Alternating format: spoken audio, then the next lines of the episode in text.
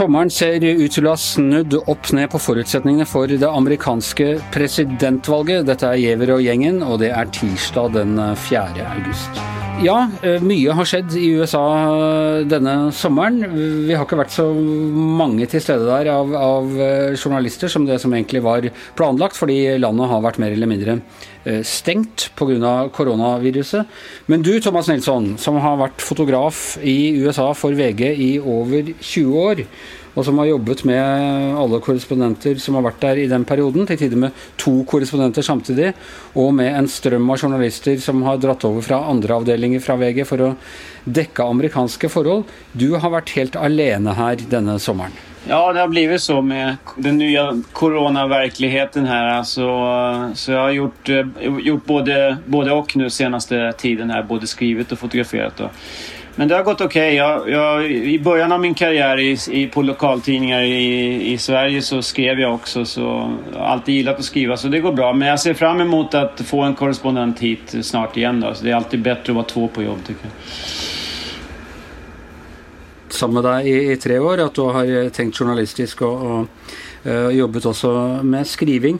Men denne sommeren du har vært gjennom nå, det er en av de mer spesielle i eh, din periode som korrespondent? Ja, det måste man säga. Jag har varit här i, som du säger, 20 år, 20, 20, 23 år är det nu. Och, eh, jag, tror, jag, eller jag vet att jag aldrig upplevt något liknande. Jag har varit med om många stora nyheter då, som 9-11 och Hurricane Katrina och, och Obama när han blev president. Och, men eh, det, det, som har, det här året och den här sommaren har ju man inte ens... Eh, det är ju, man har aldrig kunnat hitta på det om man skrev en roman. Att, eh, att något sånt här skulle ske skulle alla säga att det var för osannolikt scenario. Då. Men här är vi då. Det, man anpassar sig ju konstigt nog. Människan gör ju det ganska efter förhållandena. Men ibland tänker man till liksom vad man har sett och varit med om här så är det ju ganska extremt. Då.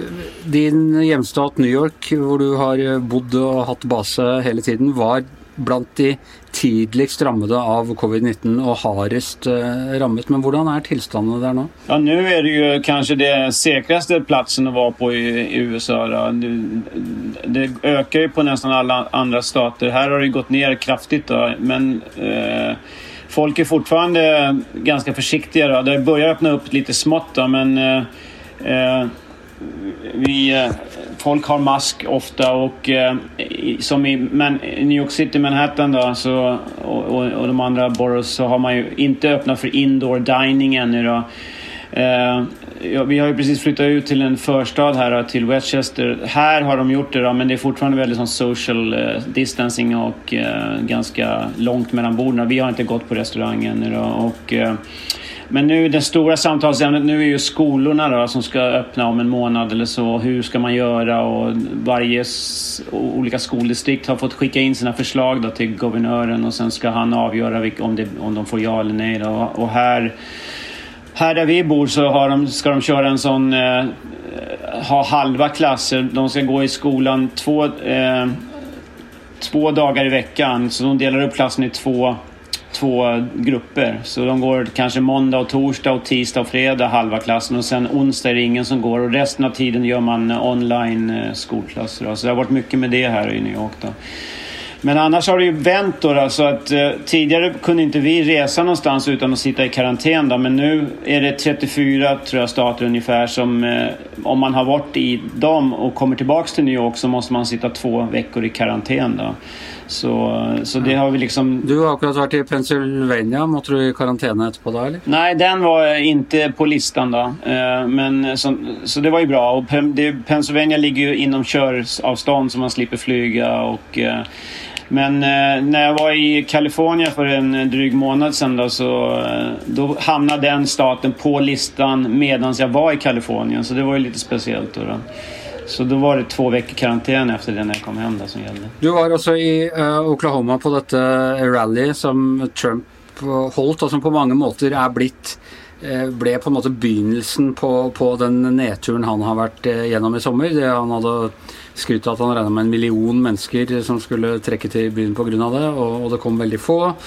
Og han eh, manageren, valgkampmanageren fikk sparken og litt sånn forskjellig, og hans støttespiller og tidligere republikanske presidentkandidat Herbert Kane eh, var til stede og fikk covid-19 og døde rett etterpå? Ja, exakt. Det var ju ganska dramatiskt. Nu kan man inte bevisa 100% att han fick viruset där men det, men det är ju inte helt otroligt heller. Han, det finns bilder på honom där han sitter utan ansiktsmask och de flesta de flesta hade ju inte ansiktsmask på sig, munskydd där inne. Då. Eh, jag, vi valde ju, jag, dels var jag inte akkrediterad, vi fick inte akkreditering så jag gick aldrig in. Jag hade kunnat gått in som publik i och med att det bara fanns platser men det, vi hade valt att jag inte skulle vara inne i arenan så jag var utanför. Det var ju, var ju protester där, motprotester och så var det Trump-supportrar men Trump-supportrarna fick ju de var tvungna att sätta på sig en ansiktsmask för att gå igenom eh, säkerhetskontrollen. Då. Eh, och, och, så de, de, som inte hade det fick det tilldelat sig. Då, och då,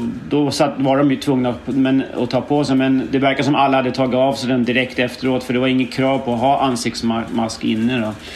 Så också var det ju eh, ett antal från Trump-kampanjen som fick eh, covid-19 också under den veckan. De som hade det advanced team som hade varit där innan hade ju dragit på sig det. Så, så det var ju det var ingen bra situation för, eh, för Trump-kampanjen eh, eh, där. Och det är dåligt för Trump för vi vet också att han Det är på något sätt där han trekker energin sin fra. Det är disse svære folkemøtene som är enormt uh, mye besøkt, og, og, hvor han på en måte møter all den velviljen och beundringen som han inte akkurat får uh, uh, gjennom eller från fra andre statsledere. Nå skal jo både republikanerne och Demokraterna ha sitt sine store konvent, som jo er sånne svære, virkelig store massemøter. Jeg skal, vi var sammen på, på, det da Obama aksepterte nominasjonen i eh, Colorado i, i 2008. Jeg syns nesten det var litt skummelt på den der stadion hvor alle eh, Ja, en sånn type masserally som vi skandinaviere kanskje er litt mer reservert i forhold til når det gjelder politikk.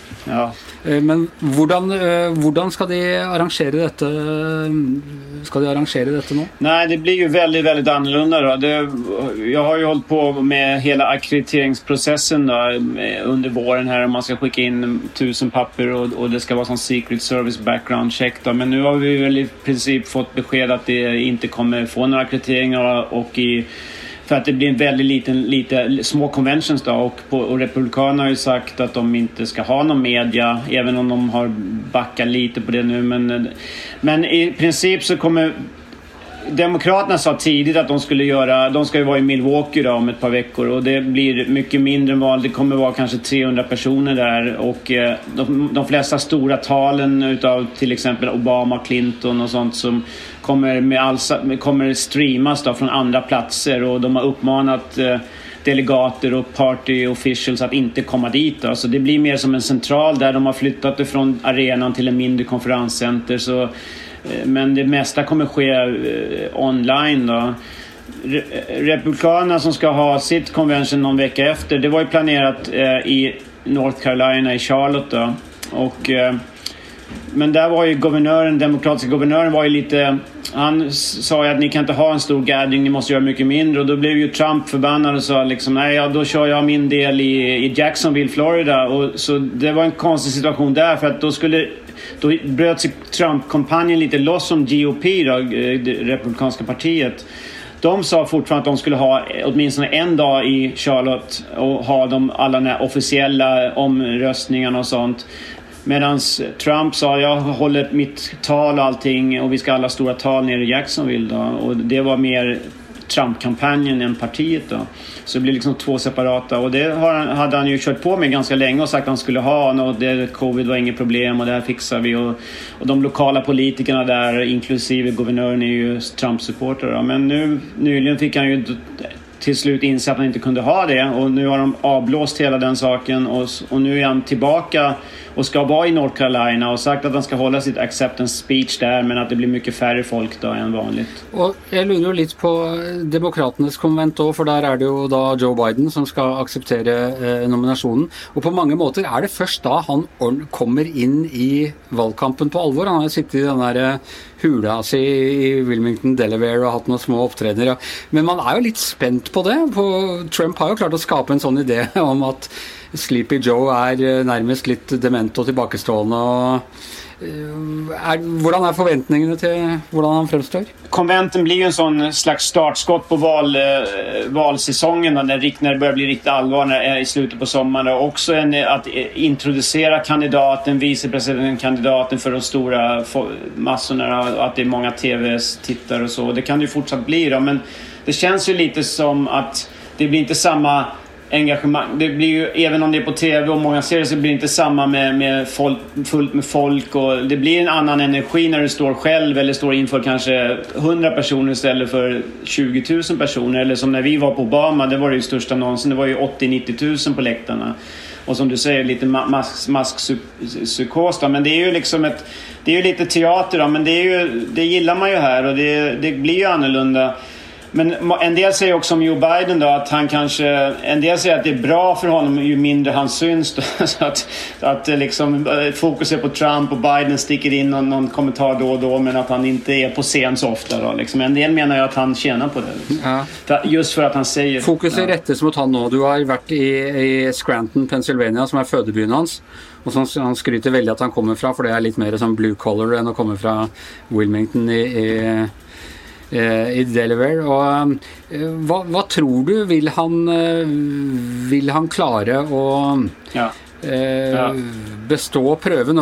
Jeg ber deg ikke si om han vinner valget eller ikke, men vil han klare å være en likeverdig mot Trump, eller vil Trump slå tilbake og overkjøre ham fullstendig når han, når han kommer fram på scenen? Eh, ja, men han, eh, eh, Pennsylvania är ju en väldigt viktig eh, vippestat och som flera andra där är ju rostbältet.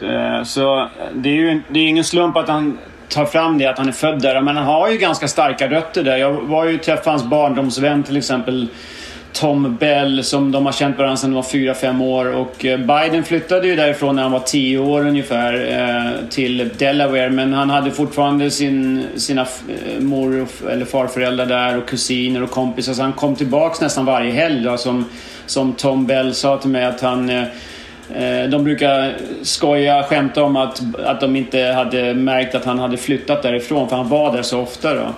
Eh, och, men och han verkar väldigt väl omtyckt när man pratar med folk på gatan där. Eh, eh, men det, det är inte den där riktiga entusiasmen som det var kring Obama. Då. Det är folk, folk erkänner eller inrymmer att han kanske är lite gammal, att han är lite slow nu liksom. Och, eh, men samtidigt så ser de att, eh, menar de att han är ett bättre alternativ än, än Trump då. Att de är så trötta på Trump, många jag pratar med. Men jag träffade också Trump-supportrar eh, om man åkte lite längre utanför Scranton så var det ju fullt med Trump-flaggor på, på, utanför husen och så som, som stöttar honom. Så, eh, men han, Biden leder ju ganska kraftigt i meningsmålningarna i Pennsylvania och många andra swing states. Då. Men om du säger det till en Trump-supporter säger ja, ja, men se vad som hände i förra valet. Eh, meningsmålningarna sa att han skulle förlora, men han vann. Då. Så det är svårt att argumentera mot det också. Då. Eh, så det är väldigt svårt att säga. Jag, jag, tror att han har en ganska bra chans i till exempel Pennsylvania. Så det tror jag. Men eh, du har däckat av, jag klarar nästan inte att tälja hur många, men alltså 2000, 2004, 8, 12, 16. Detta är ditt, eh, ditt eh, sjätte eh, presidentvalg. Skapar han, virker det som han skapar han mer entusiasm än för exempel Hillary gjorde? Eh, Nej, det tycker jag väl egentligen inte. Men det är väldigt svårt att bedöma för att eh, eh i och med covid-19 så har det liksom inte varit några valmöten på senare tid. Vi var ju och bevakade honom, jag och Maria Mikkelsson var ju och bevakade VGs korrespondent då. Vi var ju och bevakade primärvalet i eh, New Hampshire. Och, och eh, där var vi på något eh, valmöte med, med, Biden. Och då, då såg ju det ganska dåligt ut för honom. Då såg det ut som att han skulle inte ens bli kandidaten. Då, liksom. Och vi, vi, vi, gick till ett valmöte där var liksom ingen kö utanför med, med Pete, eh, Major Pete vars eh, efternamn jag fortfarande ja, kan Pete uttala. Buttigieg. ja. Eh, exakt. Han, eh, där var det just, vi höll ju knappt på att komma in på det mötet för det var så mycket folk och brandchefen eh, eh, sa nu får inte fler komma in. Och liksom, eh, men medan i Biden kom ju alla som ville in och det var ingen kö utanför. Men han, han har den här förmågan att eh, connecta med väljare när man såg det på nära håll. Då, att han har en väldig empati, han lyssnar på folk, han liksom kramar om folk. Och jag tror i längden har det liksom lyst igenom då. Och, eh, och att han ändå har så pass mycket erfarenhet att det, det var lite, tror jag, därför de ställde till val. Att det behövdes som en anti-Trump då, liksom som inte kan något om något. Då. Så att... Eh, att Biden var liksom stabilitet och kontinuitet, lite trygg sådär. Ett tag var det till och med spekulation att de skulle ha som eh, en grej att han lovade att bara ställa som president för en period då, för att det skulle liksom motväga att folk skulle tycka han var för gammal men att han kunde som en räddare komma in och köra en period. Nu har de inte sagt det då, för det blir väl lite konstigt slogan att ha det med där men, eh, men, eh, men det, var lite, det var lite den premissen att han var det stabila valet och jag tror folk Eh, folk uppfattar honom som det fortfarande. Då. Eh, men med Hillary var det ju liksom, det var ju mycket, mycket entusiasm kring henne. Men det var också mycket hat mot henne och det var det som gjorde att Trump vann. Jag vet inte hur många väljare jag träffat som, som har sagt att de röstar på Trump för att de inte nödvändigtvis gillade honom men för att de ogillade Hillary så mycket att de kunde inte tänka sig henne som president. Men till och med till och med Bidens eh, barndomsvän Tom Bell som jag pratade om här. Han erkände att han hade röstat på Trump då. Han, han är demokrat då. Ja. ja. men han, han kunde inte med Hillary liksom. Så så, så hon var mer älskad men hon var mer hatad också. Då, liksom. så, ja. Det blir ett helt förfärligt spännande val. Jag hoppas ju att de lättar lite på restriktionerna. Det ska vara möjligt för någon av oss som inte bor där att komma över i løpet av. Vet du något om det? Om uh, hvordan det blir for, eh, for, för att öppna landet för eh, annen annan press och folk i det hele tatt? Nej, det vet jag egentligen inte. Men det, det går jo det, det, flyger ju eh, folk hit. Och du får sätta dig två veckor utenfor utanför Schengen. Då. Så du får sitta två veckor i Mexiko eller i Istanbul eller något sånt. Då. Eh, det, Vad med Kanada? Ja, nej, tydligen går det inte med Kanada då, men det går med Mexiko, vilket är ironiskt för Mexiko har ganska mycket covid-fall nu då. Men eh, det, jag har flera kollegor som har gjort det, men jag vet inte när. Jag hoppas ju också att de ska öppna upp det är svårt för mig att jobba här nu också. Det är 34 stater jag inte kan resa till utan eh, att ha två veckor karantin då när man kommer hem. Så, så det är alltid väldigt, väldigt osäkert. Vi är ju vi, är ju inte ens i, Det är inte andra vågen här utav covid. Det är ju fortfarande första vågen då liksom. Även om den gick ner i vissa stater lite grann. Men de öppnar, öppnar ju upp för tidigt. Alltså det är ju fortsatt första vågen här. Så vi får ju se eh, vad som sker i höst då. Det är ju ingen som vet. Vi för, förbereder oss väl på det värsta liksom. Vi, vi tar vi, vi är förberedda på att det kommer en andra våg i höst och att vi liksom ja, ser till att ha tillräckligt med supplies hemma. Ser vi, eh, ser vi eh, sådana desinfektiv, eh, sådana wet wipes och sånt i affären så köper vi det för att det har gått i vågor. Det, länge fanns ju inte sånt till exempel då, eller vissa, vissa grejer. Så nu, nu finns det väldigt mycket. Nu är det inte så mycket köer i affärer och sådär. Så nu, men vi rustar som om det kommer en andra våg. Då. Sen om det inte gör det så är vi glada för det och så så har vi de här grejerna på plats. För det, så fort det kommer det så kommer det bli köer igen och folk köper upp allting. Så jag vet inte, jag hoppas att du kan komma. Jag vill ju att du ska komma hit och jobba också. Men jag, jag är inte man att avgöra det. Nej. Men du får ta två veckor, två veckor i Mexiko. Det blir uansett uh, Dette syns jag vi säger nästan varje eneste gång, men det blir ett av de mest spännande valgen ja. i, uh, i amerikansk historia. Akkurat som det var i 2008 och i 2016. Tack så mycket. Ja, det sa altså Thomas Nilsson, VGs mangeårige eh, journalist og fotograf i, eh, i USA med, med, base i New York.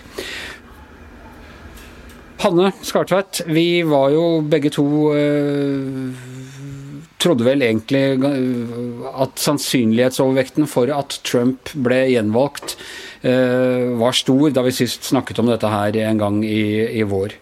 Har vi forandra mening nå? Det er i hvert fall mye mer åpent enn jeg trodde det skulle være. Eh, koronaen, amerikansk økonomi, Black Lives Matter, det har jo det er mange tunge faktorer som gjør at dette er mye mer åpent ja. nå enn det var. Er det sånn at du tror at Biden vinner nå? vi svarte jo begge, både du og jeg, på den spørreundersøkelsen til VG at vi syntes det var for tidlig å si. Det mener jeg nok fortsatt. Jeg er veldig i tvil. Hva tenker du, Anders? Nei, ja, eh, jeg, altså, for meg så står og faller dette litt med hvordan Biden opptrer når han kommer ut av den hula si i Wilmington, som jeg snakka litt med, med, Thomas om også. At um, Eh, hvis han klarer å være liksom noenlunde stø, fast, svare ordentlig på alle spørsmålene Man tåler en del sånne småtabber, for det vet de. Eh, at Biden, eh, Biden, kommer med. Men hvis det eh, narrativet til Trump om at eh, Biden nærmest er litt smådement og rørete, får feste seg, så er jeg ikke så sikker. Det er klart det er også veldig veldig avhengig av hvordan det går med koronaen. Det er jo skremmende det som skjer i USA nå. Og Donald Trump har jo virkelig ikke levert og ikke, har ikke tillit i brede lag det amerikanske folk på hans håndtering av den epidemien. Jeg fikk mail fra han i dag om at det er patriotisk å gå med sånn eh, maske. Det, det har han jo ikke. Det har ikke akkurat vært den, den faste beskjeden eh, fra den kanten. Og jo, det har han ment hele tida, må ikke være i tvil om det. Han har tatt, hatt rett alltid, ja. i alt. Det stabile geniet. Uh, du, uh, en annen spennende ting er jo Bidens valg av visepresident, kan også ha litt å si? Hva tror du der? Ja, Det er jo helt avgjørende, for han er jo fryktelig gammel. Så det, det visepresidentvalget er jo viktigere enn det har vært på veldig veldig, veldig lenge. For det kan jo hende både at den personen som nå blir valgt, tar over i løpet av perioden, eller at det er sannsynlig at Biden, hvis han blir valgt, ikke tar to perioder, sånn at den personen vil være presidenten om fire år eller stille til valg. Thomas nevnte jo også det muligheten for at de, de, egentlig hadde lurt på om de nærmest skulle kjøre på det, at han bare ville stille til, til valget en, eh, en eh, periode. Jeg var jo tidlig litt begeistra for Camilla Harris. Eh, så klarte hun å tabbe seg ganske godt ut, bl.a. for sine angrep på Biden ganske tidlig i valgkampen. Men nå ser det ut som hun er mest aktuell igjen. Ja, og har jo, man har jo sett han med en lapp med notater på, hvor han da sier bl.a. at det er no grudges, det er ikke noe vondt blod lenger etter det som skjedde, som jeg tror er veldig viktig. Eh, hun er jo eh, farget, hun er eh, demokrat, hun står ganske sterkt. Hun er vel en av de kandidatene som er mest kjent, bortsett fra Elizabeth Warren, men Elizabeth Warren er jo også veldig gammel. Så jeg tenker også at hun har veldig gode muligheter. Også. Det som er, er at hun har vært litt hard i klypa som sånn, sånn strafferetts i, i påtalemyndighetene, og, og, nå med hele Black Lives Matter og, og sånne ting så kan det bli et problem. Ja, Samtidig som det kan være beroligende for de som eventuelt nå frykter de du, altså Demonstrasjonene er jo også eh, noen steder ganske, ganske rå. sånn at Hun kan jo være en slags motvekt hvor, han er den som, hvor Biden er den som er veldig forståelsesfull, mens hun sier at jo, men vi har også lov og orden innafor. Det er ikke bare Trump som har det. Så det kan slå ja. begge veier. Ja, Nei, det er noen fine uh, balanseganger uh, de skal gå på. Når tror du vi får vite om visepresidentkandidaten? De sa jo egentlig at det skulle være første uke i august, men nå sier vel de fleste at det er for tidlig, at han trenger mer tid. Han skal vel møte de aller fleste enten i live eller via videoskjerm i løpet av denne uka og snakke med dem. Og, jeg burde han ha hatt ganske god tid til å gjøre nå i løpet av det siste halvåret, syns jeg. ja, det kan du si. De sier at nå handler det om Joe Bidens eh, hode, hjerte og magefølelse. Det er den som til syvende og sist vil avgjøre hvem det blir. Da får vi håpe at alle klinkekullene er på plass hos Joe Biden. Verden holder pusten. Det blir en helt utrolig spennende Eh, Eh, spennende høst. Så både du og jeg har vel lyst til å prøve å, komme oss over en tur for å dekke valgkamp, men det ser litt mørkt ut akkurat nå. Ja, det ser litt mørkt ut. Vi driver jo begge to, tror jeg, og utforsker både i hodene våre og på andre måter om det er noen praktisk mulighet. For det er veldig, veldig vanskelig å skulle kommentere det amerikanske valget uten å være der. Vi hadde jo begge stor glede av at vi kjente USA godt og var der ved forrige valg. Ja. Sånn at eh, ja, nei, det er nødt, Anders. To ukers karantene i Mexico før du reiser inn er det nærmeste, men eh, vi får se når, når det nærmer seg. Med det så er Giæver og gjengen over for i dag. I hvert sitt studio Anders Giæver og eh, Hanne Skartveit. Eh, Thomas Nilsson fra sitt eh, hjemmekontor i Upstate New York. Og vår vanlige produsent Magne Antonsen fra sitt hjemmestudio i Tønsberg. Vi snakkes i morgen.